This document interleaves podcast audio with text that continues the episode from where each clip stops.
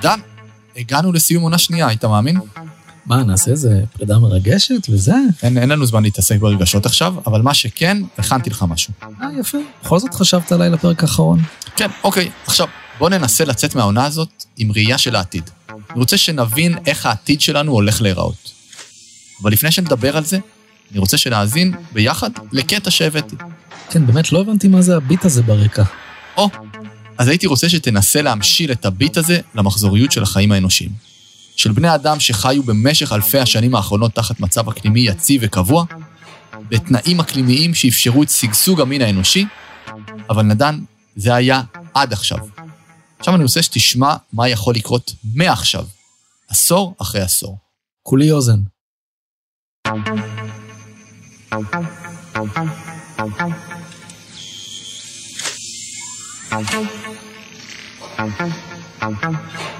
פה נכנסת שנת 2030.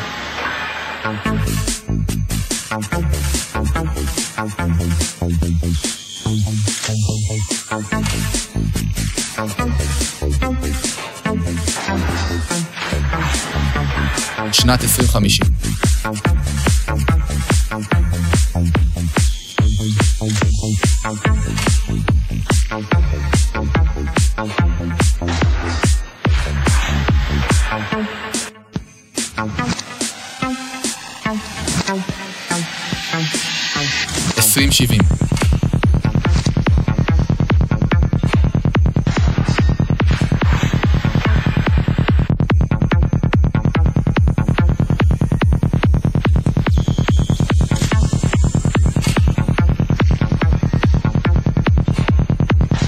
2100.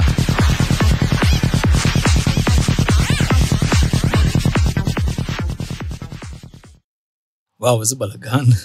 הבלאגן ששמעת, נדן, זה הקטע של די-ג'יי ישראלי בשם זירקין, שהייתי אגב שומע המון בעבר, ולאחרונה איכשהו נתקלתי בזה שוב, וזה הזכיר לי בדיוק את הסיפור של האקלים. אז זהו, אתה יודע, מה ששמעתי פה זה בעצם איך האקלים היציב שחיינו בו אלפי שנים, ככה בקצב טוב ומקדם, שהיווה בעצם את הבסיס לשגשוג האנושי המדהים שחווינו, יוצא מאיזון שלב מסוים, פשוט מתערער, וזה רק הולך ומסלים. ובעצם אני שומע פה שהמשך המאה הזאת הולך להיראות אחרת לגמרי מתחילתה. אולי אפשר לומר, ואני חושב שזה יהיה המשפט הכי חשוב של הפודקאסט שלנו, החברה האנושית מותאמת לתנאים אקלימיים בעולם שתכף לא יהיה קיים יותר. אבל אולי זה לא חייב להישמע ככה. בהחלט לא. בעצם עוצמת הבלגן תהיה תלויה בפעולות שלנו כבני אדם בעשורים הקרובים.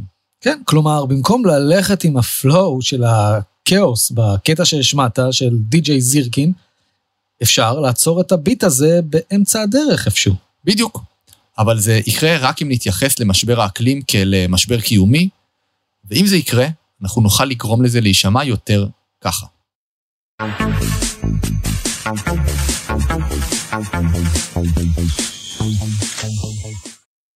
טוב, אומרים שצליל שווה אלף מילים, לא? אז אבנר, היום בוא נסרטט למאזינים גם במילים, לא רק בטרנסים, את ישראל, את העולם, תחת אקלים משתנה, תחת אקלים מסלים. תגיד, אגב, באמת היית מקשיב לדברים האלה פעם? בוא, בוא נעזוב את העבר ונדבר על ההווה, ובעיקר על העתיד, אוקיי? אוקיי, והפעם, באמת, אני פונה למאזינות ולמאזינים, אתם חייבים להישאר עד סוף הפרק. אבנר, אתה רוצה לספר להם למה? בטח. כי בסוף הפרק היום נדבר על תשע הדרכים שבהן כל אחת ואחד מאיתנו יכול ויכולה לחולל שינוי אקלימי. יאללה, פרק אחרון לעונת הפתרונות, עוד פתיחה ומתחילים.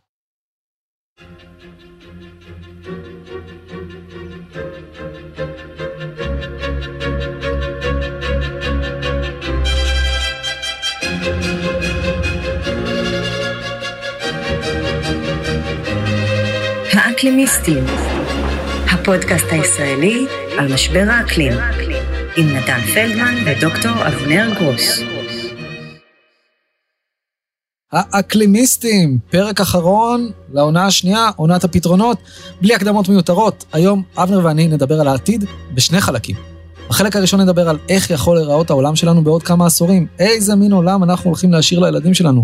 אנחנו נפרוט אה, מה מסוכן ומה פחות מסוכן, מה יכול לקרות ומה כנראה לא יקרה, ואז אחרי שנבין איך עלולה להיראות ישראל ב-2050 או ב-2100, אנחנו נעבור לחלק השני, שבו אנחנו נפרוט את תשע הפעולות הכי יעילות שכל אחד ואחד מאיתנו יכולים לעשות כדי למזער את הנזקים של משבר האקלים, לנו ולדורות הבאים, ולהבטיח את המשך השגשוג של המין האנושי בכדור הארץ. אבל נדן, לפני שנסרטט איך ייראה העולם העתידי, אני רוצה להתחיל עם מסר חשוב של אופטימיזם אקלימי. אנחנו מדברים כבר כמה, לא יודע, זה 20 פרקים המצטבר על זה שכדי לעצור את משבר הגדול בתולדותינו, אנחנו צריכים שכמה שיותר אנשים יבינו את הסיפור האקלימי. ומה שמעודד אותי זה שהסיפור שבני אדם מספרים לעצמם, לטוב ולרע, משתנה באופן תדיר. ולפעמים מספיק שמנהיג כריזמטי אחד עם תמיכה גדולה מספיק, יספר אותו, יכשיר אותו לאנשים. אתה יודע מה, בוא אני אתן לך דוגמה קטנה ואקטואלית, אולי לא כזאת קטנה. קח את אה, מנסור עבאס. אתה יודע, ברגע שהוא החליט שפניו לשותפות יהודית ערבית בקואליציה, הוא עשה באמת מהלך מנהיגותי גדול ששינה את הסיפור, גם את הנרטיב. והציבור שתומך בו מהצד הערבי עיכל את זה וקיבל את זה, ולא פחות חשוב, חלק גדול בציבור היהודי קיבל את זה. לא כולם כמובן, אבל נראה שבאמת אה, אה, בקרב רבים בציבור היהודי והערבי, הסיפור של השותפות פשוט השתנה. בעצם מה שאתה אומר זה שיש סיפורים שנכנסים באינסטנט לתודעה. זאת אומרת, צריכים שיהיו דברים שרוכשים שנים מתחת לפני השטח, אבל אז כשזה קורה, זה קורה ברגע אחד. ובאותו אופן עדיין סיפור האקלים ייכנס לנו לתודעה. זה יכול לקרות מלמעלה או מלמטה. מספיק שכמה מנהיגים אמיצים יאמצו אותו ויפעלו בשמו והציבור שלהם יעכל, יבין ולאט לאט ידרוש פעולה. ויש לכך אה, מלא דוגמאות בהיסטוריה האנושית, אז אני רוצה להגיד פה למאזינות ולמאזינים, אל תתייאשו, כי לא רחוק היום שבו נתייחס למשבר האקלים כאל המשבר הקיומי שהוא, ואנחנו נפעל לעצור אותו באופן נחרץ. וגם אם כרגע זה נראה לכם ולכן רחוק, זה יכול פשוט ברגע אחד לקרות. וזה יקרה מהר ממה שאתם חושבות וחושבים. ועכשיו נדן, בוא נתחיל לדבר על העתיד. אוקיי, okay. אז אה, בוא נתחיל לשרטט את העולם תחת אקלים משתנה בעתיד הקרוב והרחוק. בעצם אנחנו נספר למאזינים, מה, רגע, האם הכל אה, פה הולך להיות יבש וצהוב, מדבר אחד גדול, הכל אה, יישרף, אנשים יילחמו על, על פת לחם ועל, ועל חלב, או אולי להפך, אולי דווקא יהיה ירוק ופורח ברחבי העולם, החקלאות אה, אה, תפרח ותשגשג בסיביר, והאמזונס אה, יהפוך לסוואנה, אה, והאם ישראל תהפוך מארץ זבת חלב ודבש לארץ זבת... טוב, טוב, הבנו, הבנו. יאללה, בוא נסרטט. נתחיל מזה שאנחנו חיים בתקופת המעבר הזו בין עידן האדם, או נגיד עידן השגשוג האנושי, לעידן האקלים. עידן האקלים זה העידן שבו הקרחונים, היערות, האוקיינוסים והקרקעות מתעצבים מחדש, בעצם לעבר שיווי משקל אקלימי שאף אדם לא חי בו מעולם. עכשיו בעצם, הכל מסביבנו מתחיל להשתנות. סוף עידן ההולוקן, לא? אבל בוא נהיה קונקרטיים יותר. מדינת ישראל בעוד 50 שנה. מה יהיה פה? אז בואו נתחיל מלומר שישראל, לצערנו, אולי נחשבה בעבר ארץ זבת חלב ודבש, אבל האקלים משתנה לנו ואנחנו ממוקמים באחד האזורים הכי פגיעים מבחינה אקלימית.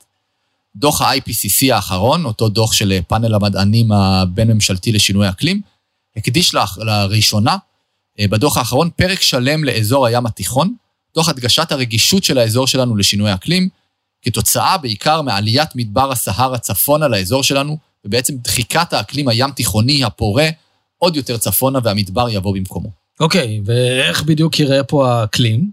אז בואו נראה איך ישראל תראה בעוד 50-60 שנה. בתרחיש הפליטות הנוכחי זה ייראה ככה. שתיים וחצי יותר מעלות מהיום.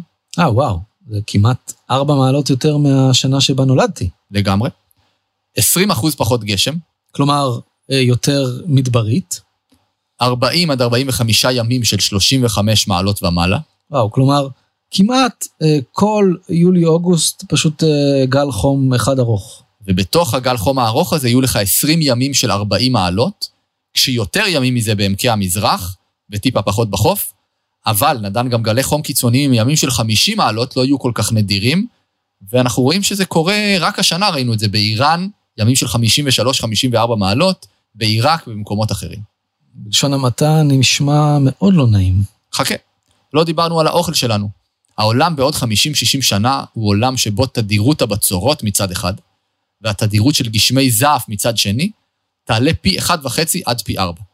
וזה יבוא יחד עם עלייה של גלי חום שוברי שיאים היסטוריים, שאגב יעלו פי 2 עד פי 7 רק בעשורים הקרובים, ועלולים להתעצם נדן עד פי 20 בתוך uh, 50 שנה. אז העולם כזה, זה יהיה עולם שבו לא יהיה נדיר שיהיו תקופות שבהן החקלאות באזורים שונים תיפגע, מה שכמובן יגרור ירידה בתפוקה החקלאית, וזה גורם לזה שיהיו תקופות שיהיו בעלות, בעיות גלובליות באספקת מזון, וזה עלול להיות דבר שבשגרה. לא, זה די דומה למה שקורה כבר היום למחירי החיטה.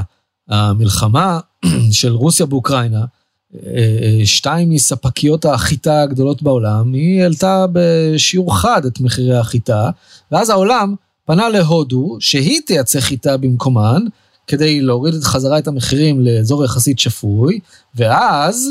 ואז בא גל החום הקטלני שאפה את הודו מסוף מרץ דרך אפריל ועד אמצע מאי, ופגע בגידולי החיטה באזור העמקים הפורה בצפון אה, תת היבשת, מה שאנחנו קוראים לו הברד בסקט של הודו, וזה אגב גל חום שלא היה מתרחש ללא אה, השפעת אה, האדם על האקלים, והוא גרם לכשל ביבול החקלאי ובחיטה עד שנרנדרה מודי, ראש ממשלת הודו, הודיע שהודו מפסיקה לייצא חיטה עד להודעה חדשה. מה שהקפיץ עוד את מחירי החיטה וגרם לבעיות באספקת מזון במדינות רבות באפריקה.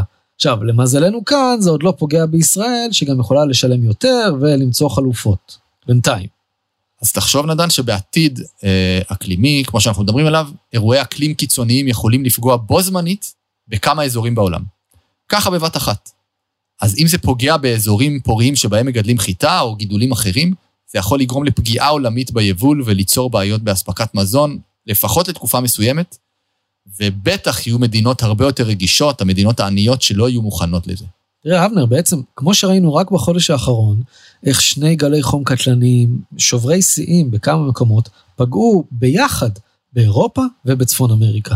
כן, אז שילוב אירועים קיצוניים אה, בכמה אזורים במקביל יהיה נפוץ בהרבה ככל שנתחמם, וזה באמת יכול להביא לסוג של תרחישי אימים זמניים כאלה של פגיעה באספקת המזון. תחשוב, בצורת וגל חום, אוקראינה והודו, שזה קורה אה, בתדירות יותר גבוהה, וזה משהו שנהיה חייבים להיערך אליו. כן, ואנחנו הרי יודעים שישראל לא מגזדלת את המזון שלה בעצמה, אלא במידה רבה תלויה במדינות אחרות. החיטה שלנו למעשה מגיעה מאוקראינה, מרוסיה ומארצות הברית בעיקר, אז אנחנו ככה בעצם תלויים באחרים לאספקת הקלוריות שלנו. אז במובן מסוים, אפשר לומר שבצורת או גל חום באוקראינה חמורה יותר לנו הישראלים מאשר גל חום בישראל. וכל זה נדן מראה לנו כי ישראל בעוד 50 שנה עלולה לסבול לא רק מכל תנאי האקלים הקיצוניים שאמרנו, אלא גם מאי סדירות באספקת מזון, וזה משהו שנהיה חייבים להבין איך אנחנו נערכים אליו. ועוד לא דיברנו בכלל על סוגיית הפליטים. או, יפה. אולי הנקודה הכי חשובה. אה, למדינה שלנו, אה, אנחנו חיים באזור שבו מסביבנו יש מדינות באפריקה ובמזרח התיכון, שהן עניות, אין להן את הים שממתן מעט את האקלים. אה, כמו שאמרנו, בעיראק ובאיראן, רק בחודש האחרון היו מספר ימים של מעל 50 מעלות ונשברו שיאי טמפרטורות, ותחשוב שזה ילך ויחמיר. כלומר, עלולים להיות אזורים מסביבנו שיהפכו ללא ראויים לקיום חיים אנושיים למשך כמה חודשים בשנה. אה, אלו מדינות שלא ערוכות להתפלת מים, למיזוג אוויר, להתמודדות עם נזקי האקלים. אז תחשוב רק על גלי ההגירה והפליטים שלאט לאט יברחו מהמדינות הללו, שעלולות לקרוס כתוצאה מגל חום או בצורת אחת יותר מדי, כן? אז לאן הם ילכו? המדינה הראשונה בדרך זה ישראל. לא הייתי רוצה לדמיין את ההתערערות הגיאופוליטית והחברתית באזור שלנו בעקבות מה שתיארת עכשיו. זו בעצם עלולה להיות הנהירה הגדולה צפונה, או מערבה, וזה יותר גדול בעיניי מכל מה שראינו עד עכשיו. וזה מחזיר אותי למשפט שציינת בתחילת הפרק. הצ... הציוויליזציה האנושית מותאמת לתנאי אקלים של עולם שבקרוב לא יהיה קיים יותר. בדיוק, כמו שאתה אמרת. עכשיו אנחנו חיים במעין עידן זהב אקלימי. עידן שעל כתפיו צמחה האנושות באלפי השנים האחרונות. עידן שהחל כאשר הטמפרטורה הגלובלית והרכב הפחמן באטמוספירה התייצבו לנו על ערכים אופטימליים שאפשרו את המהפכה החקלאית, והיוו בעצם נדן את התשתית לשגשוג אנושי מטורף חזינו בו, שהגיע לשיא בעשורים האחרונים עם המהפכה הטכנולוגית שאנחנו רואים. כן, כלומר, האנושות חייבת את השגשוג הזה בראש ובראשונה לאקלים היציב, באמת האופטימלי, שחיינו בו עד היום, וכנראה לא נחיה בו מהיום, והוא הולך אה, להתערער ככל שהזמן יעבור, אם לא נרסן את ההתחממות הגלובלית. בדיוק, הבסיס של הקיום שלנו מתערער. לא קורס, לא נהרס, לא נכחד, פשוט מתערער, לא יציב. וזה יהיה ככה לפחות עד סוף המאה הזו. ותחשוב עכשיו שכל דבר שיתרחש על הרקע הזה יהיה קיצוני יותר. זה יחליש את היכולת שלנו להתמודד מול אתגרים אחרים שעברו במהלך השנים. למשל, מלחמה של רוסיה באוקראינה ב-2070 תהיה עם השלכות כבדות הרבה יותר מהיום מעצם העובדה שהבסיס האקלימי התערער. והנה, יש לי דוגמה שאתה אוהב. על מחלה, הפעם על מחלת רקע. בוא, אבנר, מחלות זה המומחיות שלי. אני אביא לך דוגמה. משבר האקלים לאנושות זה כמו סרטן לגוף האדם. מחלה שבשלבים הראשונים לפחות אפשר לחיות איתה, אבל היא מחלישה מאוד את הגוף ודורשת התמודדות בלתי פוסקת עם כל מיני תופעות לוואי. והיא תמיד ברקע. ואז פתאום כשמגיע איזה וירוס כמו הקורונה, לגוף יש הרבה פחות כוחות להילחם, להתמודד, ואז הוא פשוט עלול לקרוס. יפה, אחלה דימוי נדן. ואם נמשיך בדימוי הזה, גילינו את המחלה מוקדם, ויש לנו תרופה. מה התרופה? הפסקה מוחלטת של פליטות גזי החממה, וקיבוע הפחמן האטמוספרי שכבר פלטנו, בעזרת כל מיני טכנולוגיות שדיברנו עליהן בפרקים הקודמים. העניין הוא שאנחנו מסרבים לקחת את התרופה, למרות שהרופאים אומרים לנו פעם אחר פעם, קחו את התרופה. האקלימיסטים, הפודקאסט הישראלי על משבר האקלים. אז תן לי לסכם רגע את ישראל ב-2070, עוד פחות מ-50 שנה. שתיים וחצי מעלות אה, חמות יותר מהיום, 20 אחוז יותר מדברית, 45 ימים בקיץ של אה, מעל 35 מעלות, עוד 20 ימים של מעל 40 מעלות, אי סדירות באספקת מזון, מיליוני פליטים שעלולים להיות פה על הגדרות, וכל זה כשבין הירדן לים מצטופפים להם כ-20 מיליון ישראלים. נדן, זה תרחיש שיקרה בתנאי שאנחנו לא עושים שום דבר כדי למנוע אותו. אבל תזכור, המטוטלת זזה. אפשר להגיד שהרכבת יצאה מהתחנה ואנחנו בתחילת המהפך. העולם כבר מבין שאיום האקלים הוא איום קיומי על בני האדם, על האנושות, ולכן אני לא מעלה על דעתי את האופציה שלא נעשה הכל, כל מה שאנחנו יכולים כדי לעצור אותו, ושוב המנטרה שלנו, זה תלוי רק בנו. ואת זה חייבים להדגיש שוב ושוב ושוב ושוב, עד שייכנס לאנשים לראש. ועכשיו, אבנר, בוא נדבר קצת על אזורים אחרים בעולם, איך הם ייראו. אה, אני אשאל אותך שאלה, אתה יודע מה, האם יש מקום שאני יכול להגר אליו, ולא לסבול מכל החום והשריפות, וגם הצפיפות והסכנה לשיבושים באספקת מזון, שעלולים ליפול עלינו כאן? אז נתחיל מזה שזה מאוד תלוי באיזה אזור גיאוגרפי אתה נמצא. תלוי איפה מסתכלים. אוקיי, בוא נתחיל מהטוב, אם יש בכלל טוב. אז בניגוד לישראל, שכמו שאמרנו, אה, במקרה שלנו, תלך ותציב, בגדול, כנראה שהעולם דווקא יהיה ירוק יותר. ולמה זה? זה כי ההתחממות מאיצה את מחזור המים, בעצם כל עלייה של מעלה אחת בטמפרטורה מעלה את כמות אדי המים שמתאדים מהים, בערך ב-7%. זה אומר עולם יותר רטוב, יותר לח, יותר גשום, רק שלצערנו הגשם ידלג קצת אה, עלינו.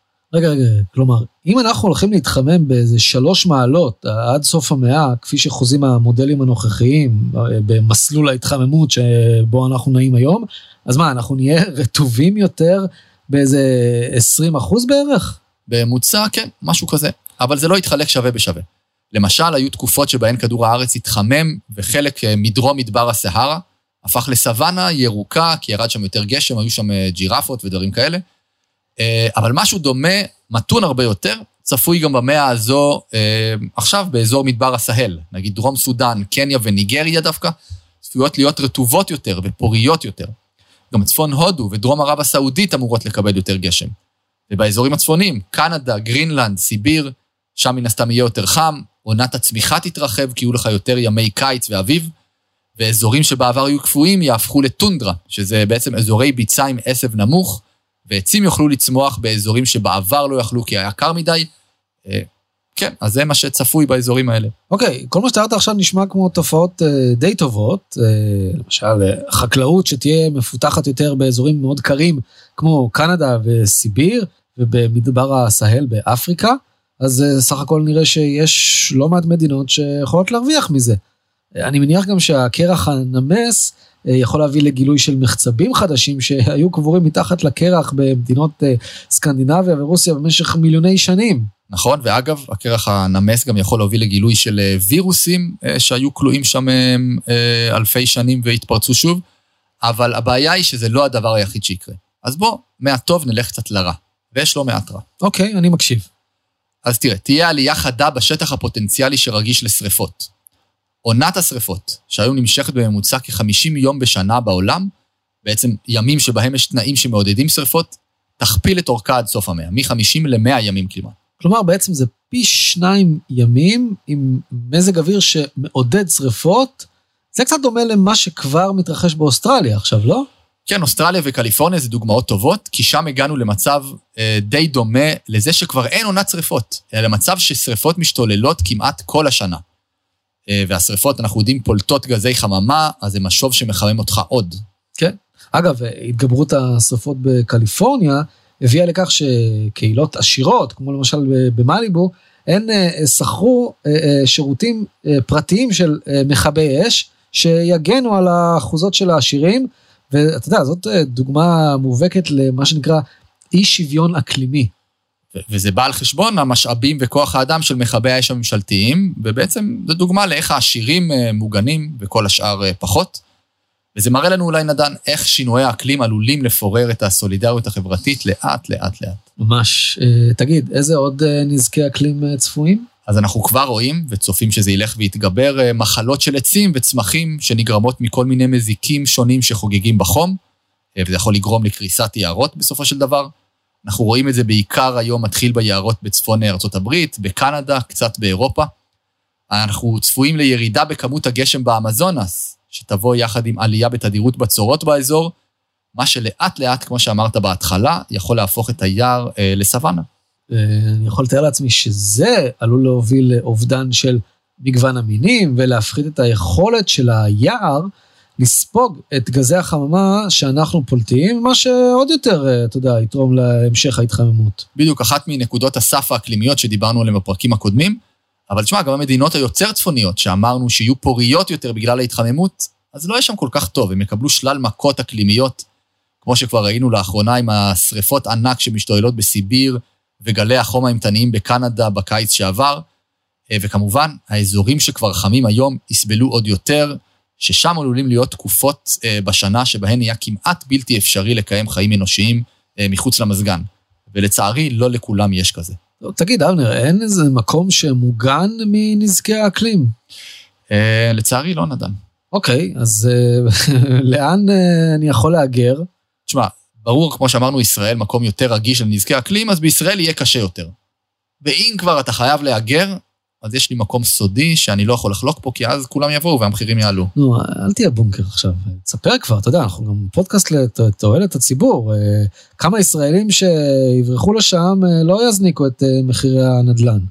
טוב, טוב, תשמע, בגדול, אין לנו כל כך מה לברוח, כי כמו שאמרנו, אין מקום מוגן מנזקי אקלים.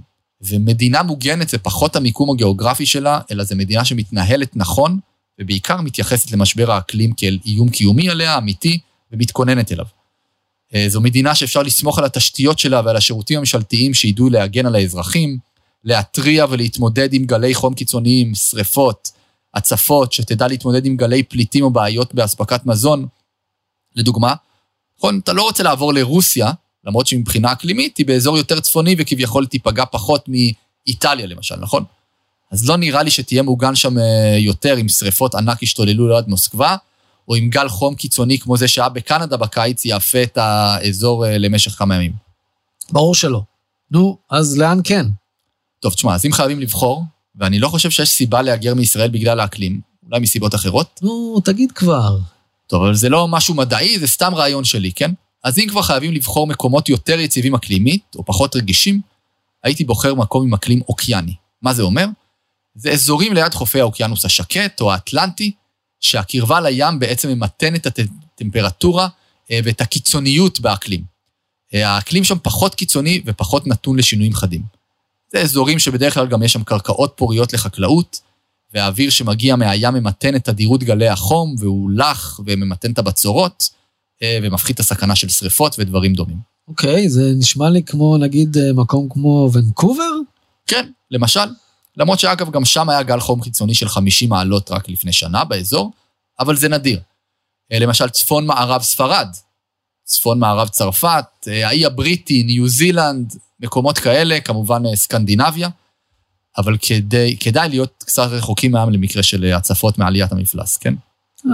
מה איתו באמת, תגיד? אז לפי IPCC, אנחנו צפויים שמיליארד איש יהיו חשופים לסכנה מעליית מפלס הים כבר רק במשך המאה הזאת, כן? ערים כמו אלכסנדריה, שנגחאי, ניו אורלינס, מיאמי, ריו דה ז'נרו, כולן צפויות להיות בסכנת הצפה תמידית. עכשיו, זה לא שהעיר שוקעת ומתחת לפני הים כמובן, אבל כל פעם שיש לך איזו סופה גדולה או איזה צונאמי או משהו כזה, פני הים יכולים לעלות ולהציף חלקים גדולים מהעיר, ומן הסתם קשה מאוד מאוד לחיות באזור שכל שנה מוצף מחדש, אמ, וזה ישפיע מאוד על החיים ויחייב מאמצים גדולים להתמודדות עם זה, או שאנשים ייאלצו להגר משם. כן, משום מה זה הזכיר לי שלא מזמן סיפרת לי איזה סיפור אימים על אה, מגפות. נכון, אז בואו נחלוק את זה עם המאזינות והמאזינים. לפני כמה חודשים יצא מאמר די מבהיל ב-Nature, שמראה שנכנסנו רשמית לעידן המגפות. עידן המגפות? עכשיו אתה אומר את זה ככה על הדרך, באמצע הפרק? אה, לא היה מספיק דרמטי מה שאמרנו עד עכשיו, אה? בכל אופן, ההתחממות דוחקת מינים לאזורים קרירים יותר, ששם מה שיקרה הם יפגשו מיני בעלי חיים שהם לא פגשו בעבר, והם יעבירו להם בין השאר וירוסים חדשים. כחלק מזה הם יפגשו גם בני אדם, כי בהתחממות מעל שתי מעלות, שאליה אנחנו נגיע בקצב הזה תוך כמה עשורים, האזורים מינים שמאחסנים וירוסים שיכולים לפגוע באדם, למשל כמו הטלפים, אז תהיה להם חפיפה גדולה הרבה יותר עם האזורים שבהם יש צפיפות גדולה של בני אדם, וככה נדן מתחילות מגפות, כמו הקורונה בעצם. כלומר, מספר המפגשים בין בני אדם למאחסני וירוסים כמו עטלפים וחיות אחרות, צפוי לעלות כתוצאה מהגירה של כל מיני בעלי חיים מאזורים חמים, שהתחממו יותר, לאזורים קרים יותר. ולא רק זה, לפי המאמר בעשור האחרון אנחנו כבר די שם. נכנסנו כבר לעידן הזה. הם קוראים לו הפנדמיקן, או עידן המגפות. בעצם שינוי האקלים כבר היום מספיק קיצוני כדי להתחיל את התהליך הזה. מהולוקן לפנדמיקן? יפה. כן. טוב, אה, לא יודע אם לומר אם זה בקטנה, אבל אה, אני אומר לעצמי, מה זה כבר עוד איזה מגפת קורונה על מצע של משבר אה, אקלים שמתערער סביבנו ומערער אותנו.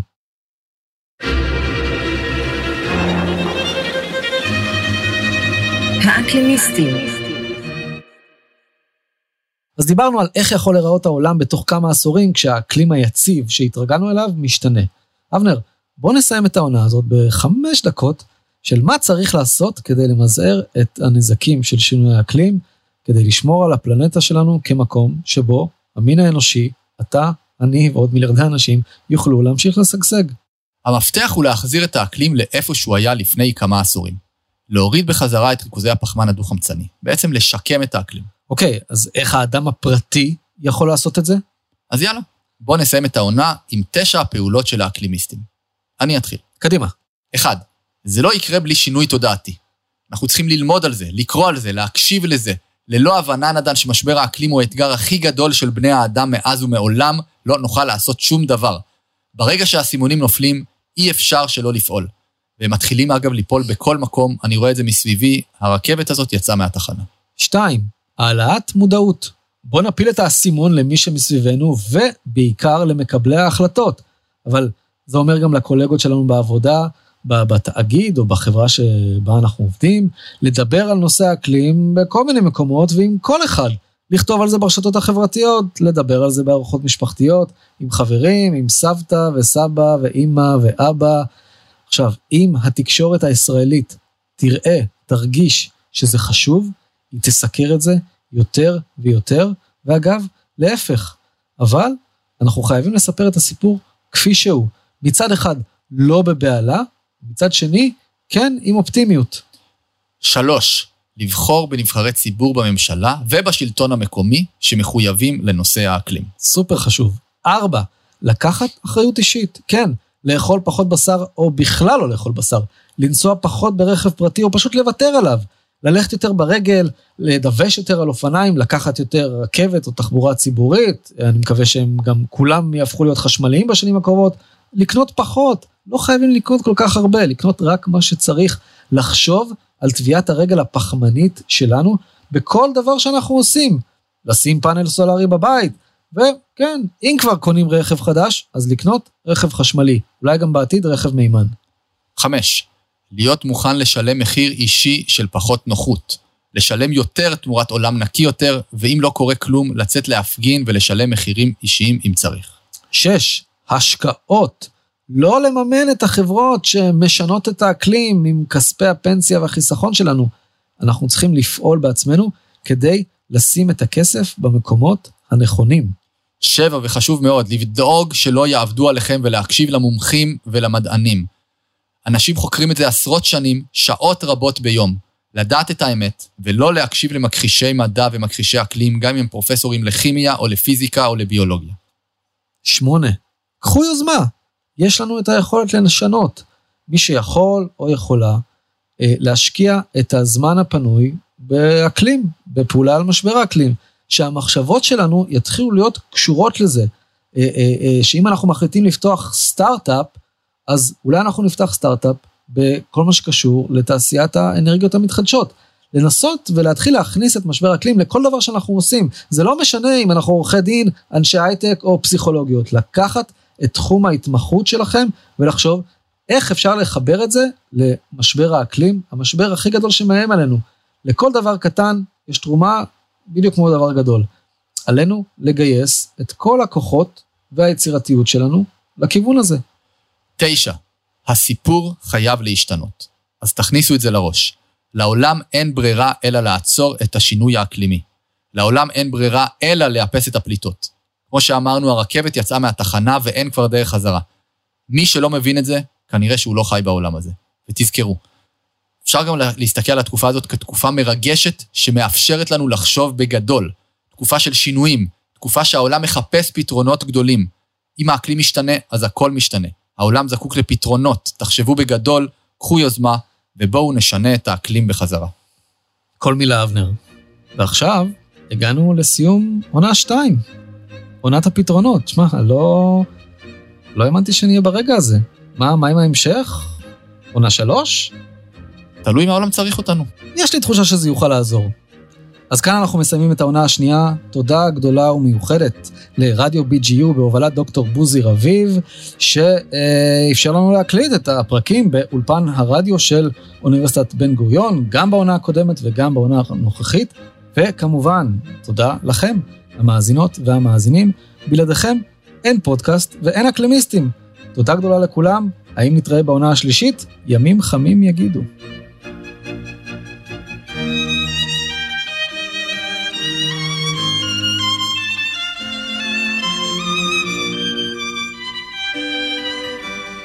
האקלימיסטים, הפודקאסט הישראלי על משבר האקלים, עם נתן פלדמן ודוקטור אבנר גרוס.